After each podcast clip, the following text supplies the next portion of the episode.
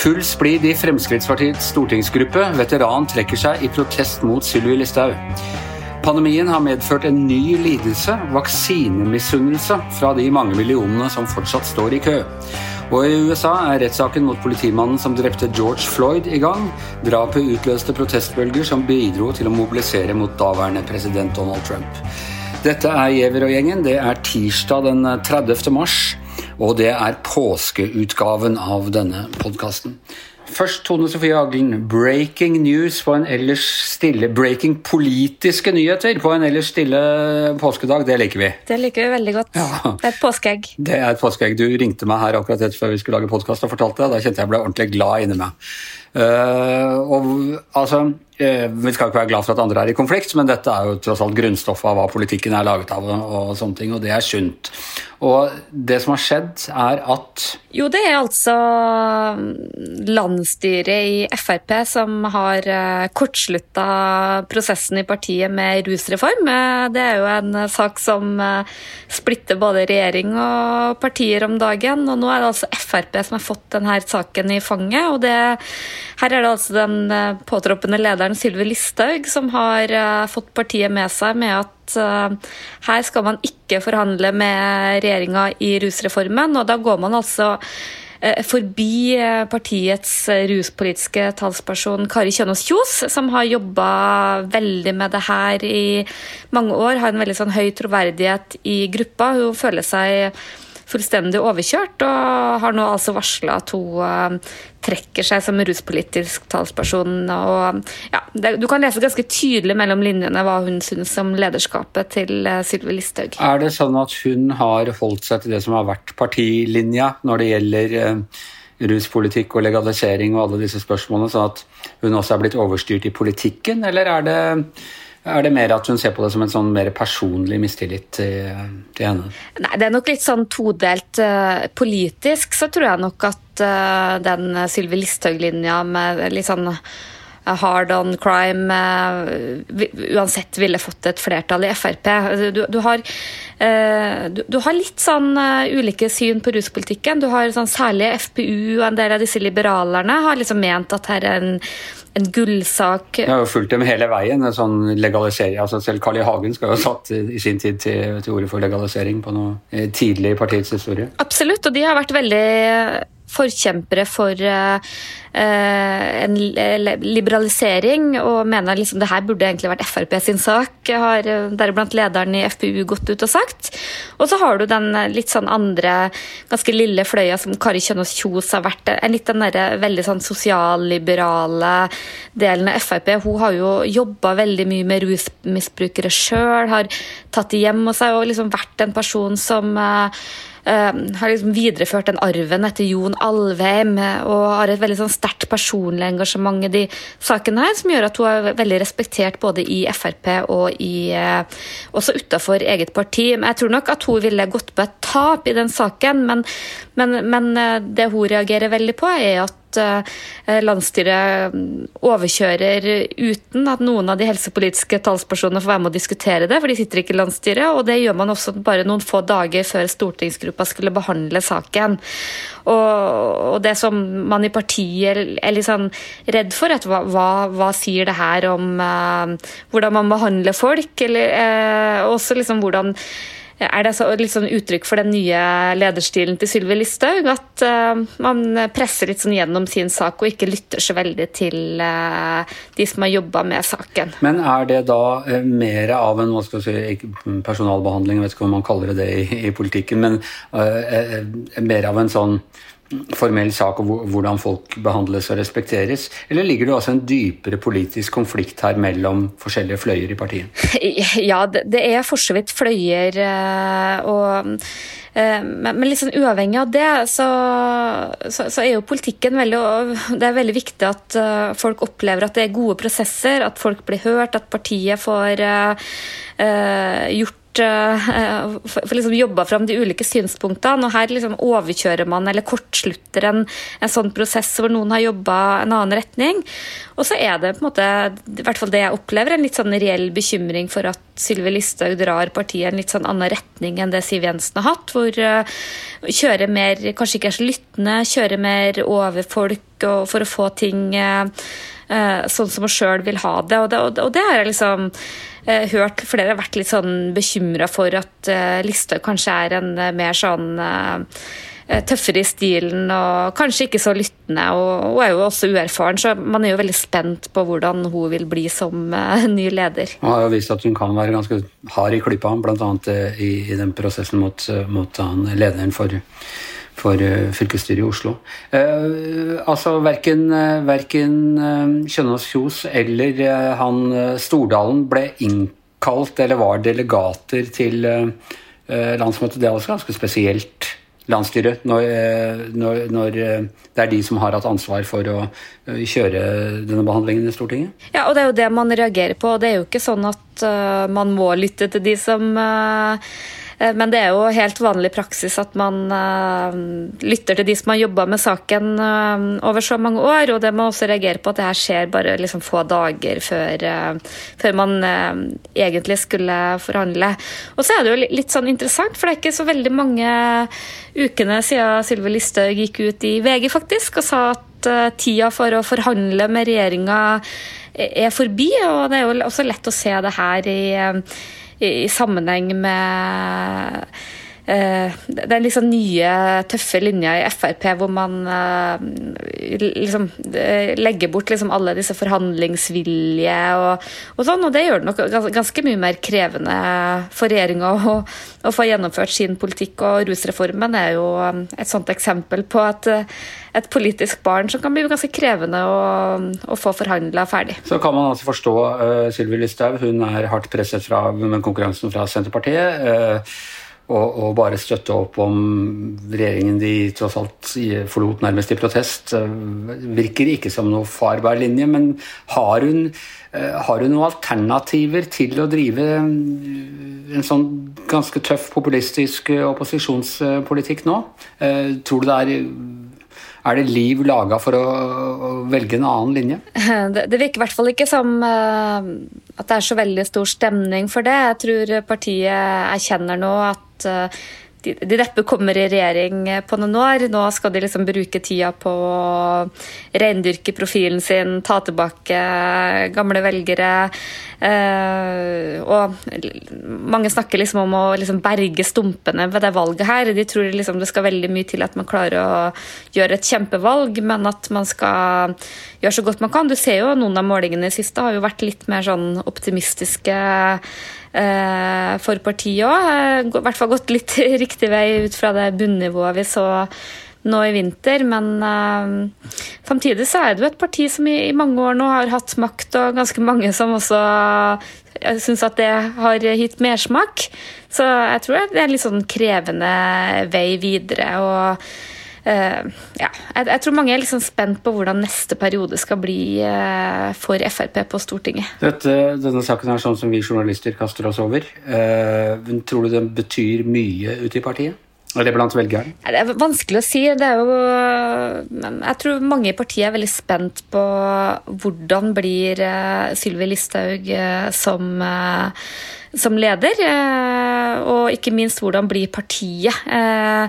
Så, så denne type saker vil jo liksom følges litt med argusøyne. Samtidig så tror jeg jo at uh, Sylvi Listhaug har jo um, enorme forventninger mot seg, mot å liksom virkelig løfte partiet. Det er ikke noe enkel jobb hun, hun, går inn i. Hun skal samle et parti. En del i partiet har jo vært skeptisk til henne, ikke minst pga. det der med litt sånn at hun går sine egne, egne veier og ikke framstår så veldig lyttende. Da. Det er jo kanskje det som har vært uh, grunnen til at mange har vært skeptiske til, til henne. Så nei, det blir rett og slett veldig spennende å se hvordan hun uh, klarer å aksle den jobben. Og nå er det jo akkurat kommet innstilling til hennes nye sentralstyre. Hun blir jo eneste kvinne i sentralstyret med 14 menn, så Det er jo helt Altså, uh, i, i, vi snakket om det rett før podkasten nå. I disse tider, hvordan er det mulig å få til det. Virker som man nesten sånn eh, på trass har gått mot noen form for For det er jo masse dyktige kvinner i det partiet òg? Absolutt. Blant annet Kjønaas Kjos. Ja, nå, hun er jo øh, for så vidt på vei ut. og øh, tar uansett ikke gjenvalg, men det er jo ikke det at partiet ikke har øh, dyktige kvinner. Så det var jo en øh, Det var litt spesielt å se den lista. Det, det, toppa seg sjøl til Frp å være, men som jeg så noen kommenterte på Facebook, kjønn er jo bare en konstruksjon, så da kan man jo bare kjøre på. Ja, ok. Yes, ja, dette kan forklares på mange måter. Men det er andre problemer eh, også, Astrid, her i, i, landet. Det er eh, kamp mellom by og land og hyttefolk og ikke-hyttefolk. Og ikke minst er det nå en ny lidelse som er i ferd med å ramme veldig mange nordmenn av de som ikke er vaksinert. Ja, det er noe som kommer fra USA som vanlig. Der kalles det vaksine envy. altså vaksinemisunnelse, som du er inne på, fordi at det er så mange som eh, legger ut eh, bilder av innkallelsen sin til vaksine i sosiale medier, og de legger ut selfie når de tar eh, eh vaksine. Eh, og så er det alle dem som sitter igjen, som ikke skjønner helt. De er jo like gamle. det burde vært min tur. Jeg føler meg, meg sykere enn vedkommende som har fått osv. Det begynner vi å se i Norge òg nå, på sosiale medier. at eh, folk ikke helt skjønner. De sammenligner bydeler og naboer osv. Og, så videre, og bare begynner å lure på om de er glemt i køen. Altså, jeg kan ikke hevde at jeg er fullstendig fri for, for denne begynnende denne lidelsen. Jeg var inne og sjekka meg sjøl på, på, VG har jo en sånn hvor du kan sjekke hvor du er i vaksinekøen. Og da For en uke siden var det 1 820 000 foran meg. og Så sjekka jeg igjen i dag, og det var 1 820 000 foran meg. Så når folk liksom yngre enn meg driver og brifer på Facebook mot at jeg er vaksinert, da, da, kjenner jeg på dette her. Ja, så får det jo praktiske konsekvenser. For eh, på datingapper nå så er det en del som begynner å kreve at eh, de man møter skal være vaksinert. Og så er det flere og flere som inviterer til fest, i hvert fall har jeg lest om det i USA. Eh, bryllup og sånn, der de sier at du får bare komme hvis du er vaksinert. Og så er det jo disse vaksinepassene som kommer. Danmark er jo fremst i Norden på det. Eh, de vil gi rettigheter til folk som er vaksinert, og så gå på restaurant restaurant, gå på frisør, sånn som vi har sett i, i Israel særlig. da, De har jo begynt med det. så det, De vaksinerte, og så er det resten av uh, bermen som ikke får lov til å gjøre noen ting. Så det er jo en sånn ekstra forsterka utgave av sånn FOMO, Fair of Missing Out, her, fordi de får faktisk ikke bli med på moroa, dem som ikke er vaksinert. Og nå er jo så mange vaksinert, i, særlig i USA og Israel, at Eh, de som ruler sosiale medier, de er jo for lengst uh, fått sagt ifra om at de har fått vaksine. da, vet du. Per Olav Ødegaard, du er jo fra en stigmatisert eh, kommune vest for um Oslo. Uh, og Der er der, der er det jo mer enn nok vaksiner for alle de som ikke har tatt seg tid til å ta den fordi de skal på hytta. Hvor, har du sjekka hvor du er i køen, eller? Ja, men det er ikke noe flere vaksiner her enn det er ellers i landets kommuner, tror jeg. De, eh, de, det er en stor befolkning òg, da. 130 000 mennesker som bor her, eller noe sånt. Jeg, er, eh, jeg sjekket det nå, rett før, og det, jeg er nummer 577 1500 som er foran meg i listen, da, foran meg på, i køen. Eh, så en drøy halv million. Så er, du, du, kan ta en kjapp tur på hytta uten, være, uten frykt for at uh, du skal bli innkalt? Ja, det, det, skjer nok ikke noe. kanskje, kanskje kan håpe på noe i slutten av april. Nei, det er jo, um, det er jo en del foran her i, i køen. Jeg, jeg syns det er det var interessant å se, da, men jeg er jo akkurat så vidt 65 år og kommer da i den kategorien 65 til 75 år. da. Ja, Det er derfor du står ligger bedre an enn meg? Ja, ja det er nok det, skjønner du. Så, jeg, jeg, fant ut at hvis jeg, hvis jeg spiste meg opp til en, jeg husker ikke hvor mye sånn body mass index, så ville jeg gå under obese, og det er underliggende sykdom, og da kunne jeg hoppa 300 000 plasser fram i køen. Men det var ikke så voldsomt mye det heller med underliggende sykdom. altså. Hva, hva tror du er trikset, Astrid? Utover det der å være tålmodig og stå i kø, liksom? Det beste tweeten om det her, den har kommet fra utlandet nå. Det var en som ble innkalt som ikke skjønte noe hvorfor han ble innkalt. Han var så ung, og så viste det seg når han ringte at de hadde beregna at han var 6,2 cm høy. Oi. Så han fikk en BMI på 28 000.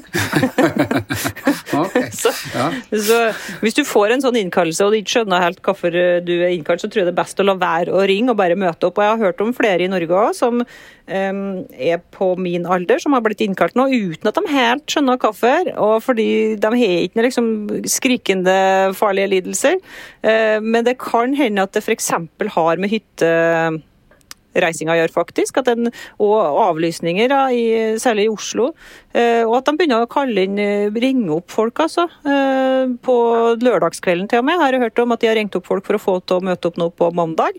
Sånn at det vil nok bli litt sånn at folk merker forskjellen. Ja, at det sitter noen som er multihandikappa i rullestol som ikke har fått vaksine, mens det er en liksom på BMI på 28 som går rundt der og har fått det. Så det vil jo føre til mer sånn uh, krangling. Førte til enda mer vaksinemisunnelse, selvfølgelig. Den, for det eneste måten å uh, håndtere sånt på, er jo å være så rettferdig som mulig, så at ingen føler at noen får gå før i køen med mindre det er, det er gode grunner til det. Ja, altså, men hoved, Det viktigste av alt er jo at vaksinedoser ikke går til spille. og så har vi jo så kort holdbarhet at Hvis du først har tatt dem opp, så må du jo for all del få satt dem. Og Det har jo ført til en del juks òg, at særlig i Sverige, da, men også litt i Norge, så er det liksom mistenksomt mange som ikke har noen pasientkontakt som er vaksinert på sykehusene rundt forbi, sjefer og sånn. Og da bruker de den unnskyldninga. Nei, du har tatt dem opp fra frysen, og det møtte ikke opp folk her, og folk takka nei, og vi må bare få satt de dosene, som er sant. Men så spørs det, da. Du skal jo egentlig ringe til dem som står neste på lista, da. ikke sant? Du skal ikke begynne å ringe til familien din. Men det, det er noe fascinerende med køpsykologi. Jeg husker jeg leste en, en, lang artikkel om det et eller annet sted i, i Disneyland. Han mannen som liksom hadde hatt Jeg tror det var nekrolog i New York Times, han som hadde hatt ansvar for køutviklingspsykologien i Disneyland, eh, var død. Og han eh, hadde de, Da var det masse sånne ting han fant at folk er villige til å stå i kø mye lenger så lenge køen beveger seg og ikke står stille. Apropos at jeg fortsatt er liksom 1 820 000 foran meg.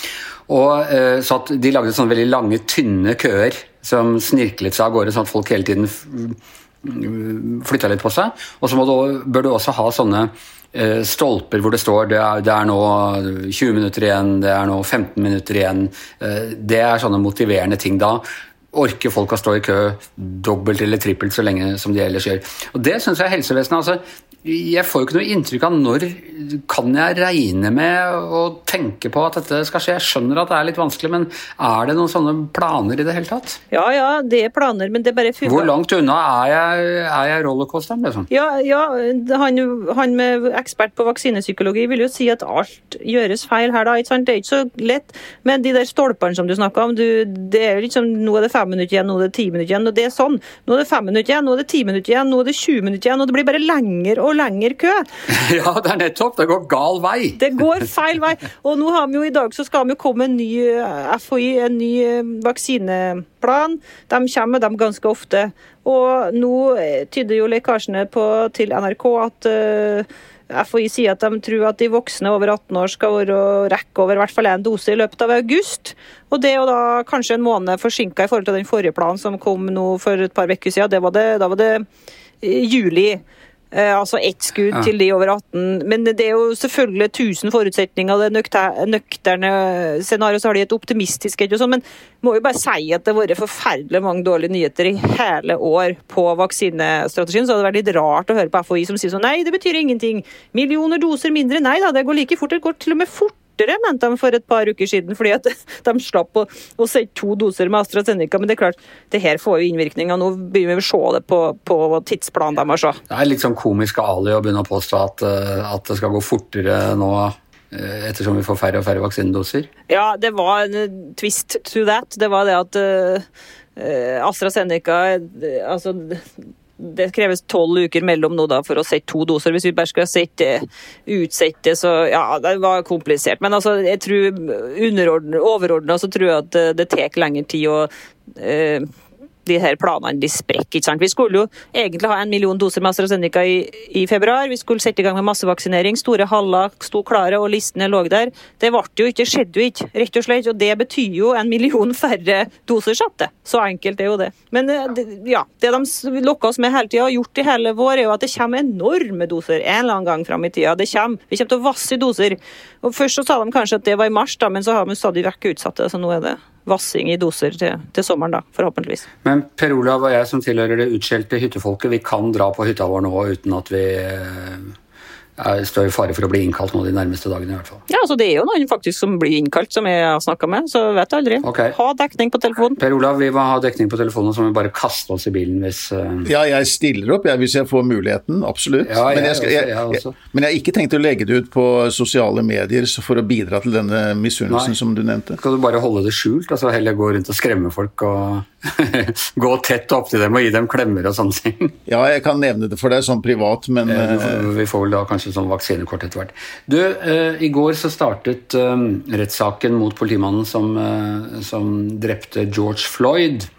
Det var det Altså, det har vært mange eh, drap i USA hvor politiet har eh, blitt beskyldt for å bruke unødvendig vold, og det har eh, resultert i, i døden. Men George Floyd-saken den ble helt spesiell her. Og hvorfor var det den har tatt av så mye kraftigere enn alle de andre? jeg tror ikke det er noe, eh, det er noe overdrivelse å si at dette er det der, et av de rettsoppgjørene som er, blir me, me, tettest fulgt og av flest på flere år, mange år. Også ikke, ikke bare i USA, men også internasjonalt. fordi den eh, førte jo til altså, eh, hans død der i politiets varetekt, da, på gaten der i, eh, i Minneapolis eh, i fjor vår. Det, eh, disse 9 minuttene og 29 sekundene hvor han ble holdt nede eh, med kneet mot eh, halsen.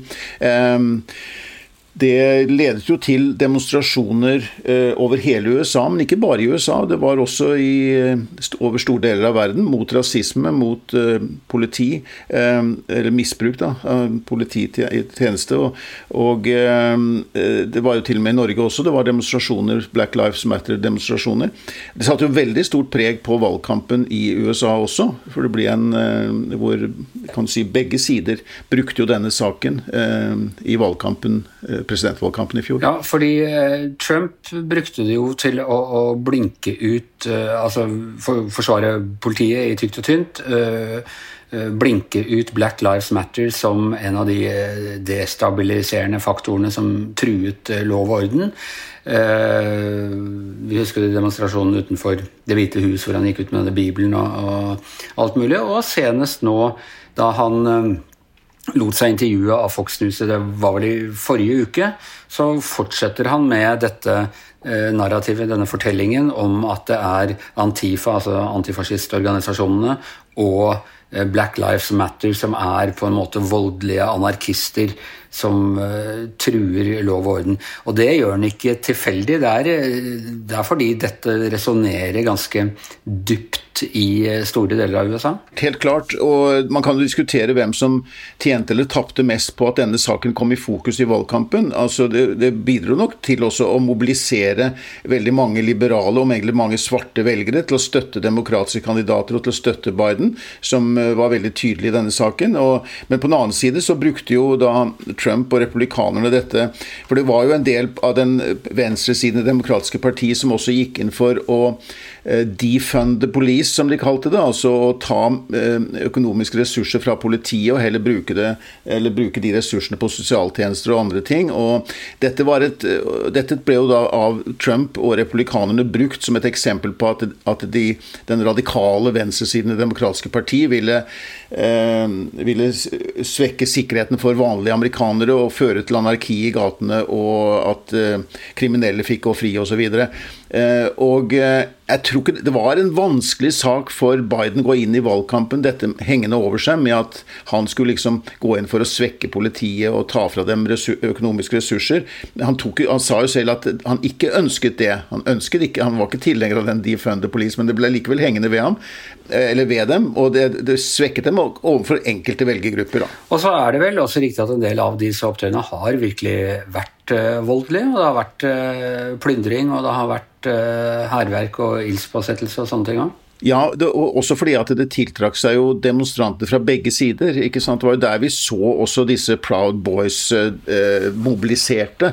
Eh, så, så dette ble jo på en måte eh, demonstranter mot motdemonstranter, og i, noen, i en del tilfeller så ble det voldelige sammenstøt. Og det ble også en del hærverk og vandalisme i kjølvannet av dette her. Men jeg tror nå grunnleggende da, så var jo den Black Lives Matter en veldig viktig eh, bevegelse som pekte på det som er et uoppgjort eh, eh, oppgjør, da, kan du si, i USA med rasisme og grunnleggende rasisme. Og det er De har på en måte ikke klart å det er fortsatt et stort problem i det amerikanske samfunnet, og denne saken satte søkelys på det. Ehm, nå har det fått en del konsekvenser også. Det ble vedtatt en ny politireform i Representantenes hus eh, nylig, som da bærer Eh, George Floyds navn. Ehm, eh, den er bare vedtatt Representantenes hus med klapp flertall, og det er jo ikke sikkert den går høyst, langt fra sikkert at den går igjen, blir vedtatt i Senatet. Men demokratene har jo flertall der òg, så Ja, de har det. så hvis de eh, Den, den forbyr jo den type halsgrep. Den er jo, forbyr jo sånn profilering, som det kalles, altså at du peker ut mistenkte bare pga. hudfarge, og en del andre forhold som er kommet i kjølvannet dette her. Så det har jo fått konsekvenser. Så, uh, altså Det har jo vært rasopptøyer i USA i, i, hele vår levetid, og, og, men uh, en av de store var jo da i, i 92 Rodney King, da de fem politimennene som var da blitt filmet mens de mishandlet uh, Rodney King i Los Angeles, ble frikjent. Og det førte jo til en av de aller største opptøyene hvor store deler av, av South Central i, i Los Angeles sto i flammer. Er, er eh, retten her under et press eh, med frykt for at noe av det samme skal skje? Har denne politimannen sjanse til å få en rettferdig behandling? Ja, det, jo, det, det, kommer helt sikkert til å bli en lang rettssak dette her, med mange vitner. og Det er en jury på 14 stykker som skal ta stilling til skyldspørsmålet. Han, kan, han risikerer å få 40 år i fengsel, Derek Chauvin, som er da anklaget her for, for drap. Eh, eh, Altså, det er litt, Forsvareren ba juryen se bort fra politikken når de skulle vurdere denne saken. Det gjorde han i sin innledningsprosedyre. Det er, tror jeg ingen som klarer helt å se, for dette har veldig sterke politiske implikasjoner. Eh, og eh, det var også interessant at aktor da snakket om at uh, dette handler kun om den tiltalte, ikke om politiet generelt. Uh, aktoratet legger jo veldig fokus på det som skjedde i den videoen som ble tatt opp av en forbipasserende der som sto og tok den filmen som vi alle har sett, tror jeg, deler av i hvert fall. Den som pågår I Can't Breathe. Ja, som han sier 27 ganger, tror jeg, i løpet av de 9 minuttene og 29 sekundene. De la veldig vekt, viste hele den filmen i, starten av, av saken når, når den kom opp i går, og, og, fokuserte veldig på det. Mens forsvarerne fokuserer veldig på det man ikke ser på den filmen. De snakker om at han hadde eh, narkotiske stoffer i blodet, at han hadde, eh, at han hadde hjerteproblemer, George Floyd, da, fra før. At det var andre ting som kunne forklare dødsfallet, at, politiet var distrahert av ting som skjedde utenfor det som du ser. Det er helt grotesk. Liksom, de, han hadde en pre-existing condition, som de liksom kaller det i helsevesenet der. Men de forsøker å lede oppmerksomheten på de tingene vi ikke ser på filmen, for å så tilstrekkelig tvil til at det skal bli vanskelig å dømme han. Det, men, eh, dette, og Derfor så blir akkurat dette med dødsårsaken blir et sånn viktig tema. Men der det jo, foreligger det jo eh, ganske sterke eh, rapporter da, fra de som gransket denne saken allerede. Så Vi hørte at dommeren avslutta rettssaken i går med thank you, uh, go home, eller hvor det er. And, and, don't watch the news. Det er de strenge på i USA. At du, du skal ikke la deg påvirke av, av uh, mediedekningen. Det avslutter ikke vi med, men vi, vi avslutter Gjever og gjengen for påske. Det kommer imidlertid til å være både papiraviser og nettnyheter og VGTV gjennom hele hele påsken fra VG, så for all del, watch the news. I hvert sitt hjemmestudio, Tode Sofie Aglen, Astrid Mæland, Per Olav Ødegaard. Jeg heter Anders Giæver, produsenten vår er Magne Antonsen, og vi gjenoppstår rett over påske.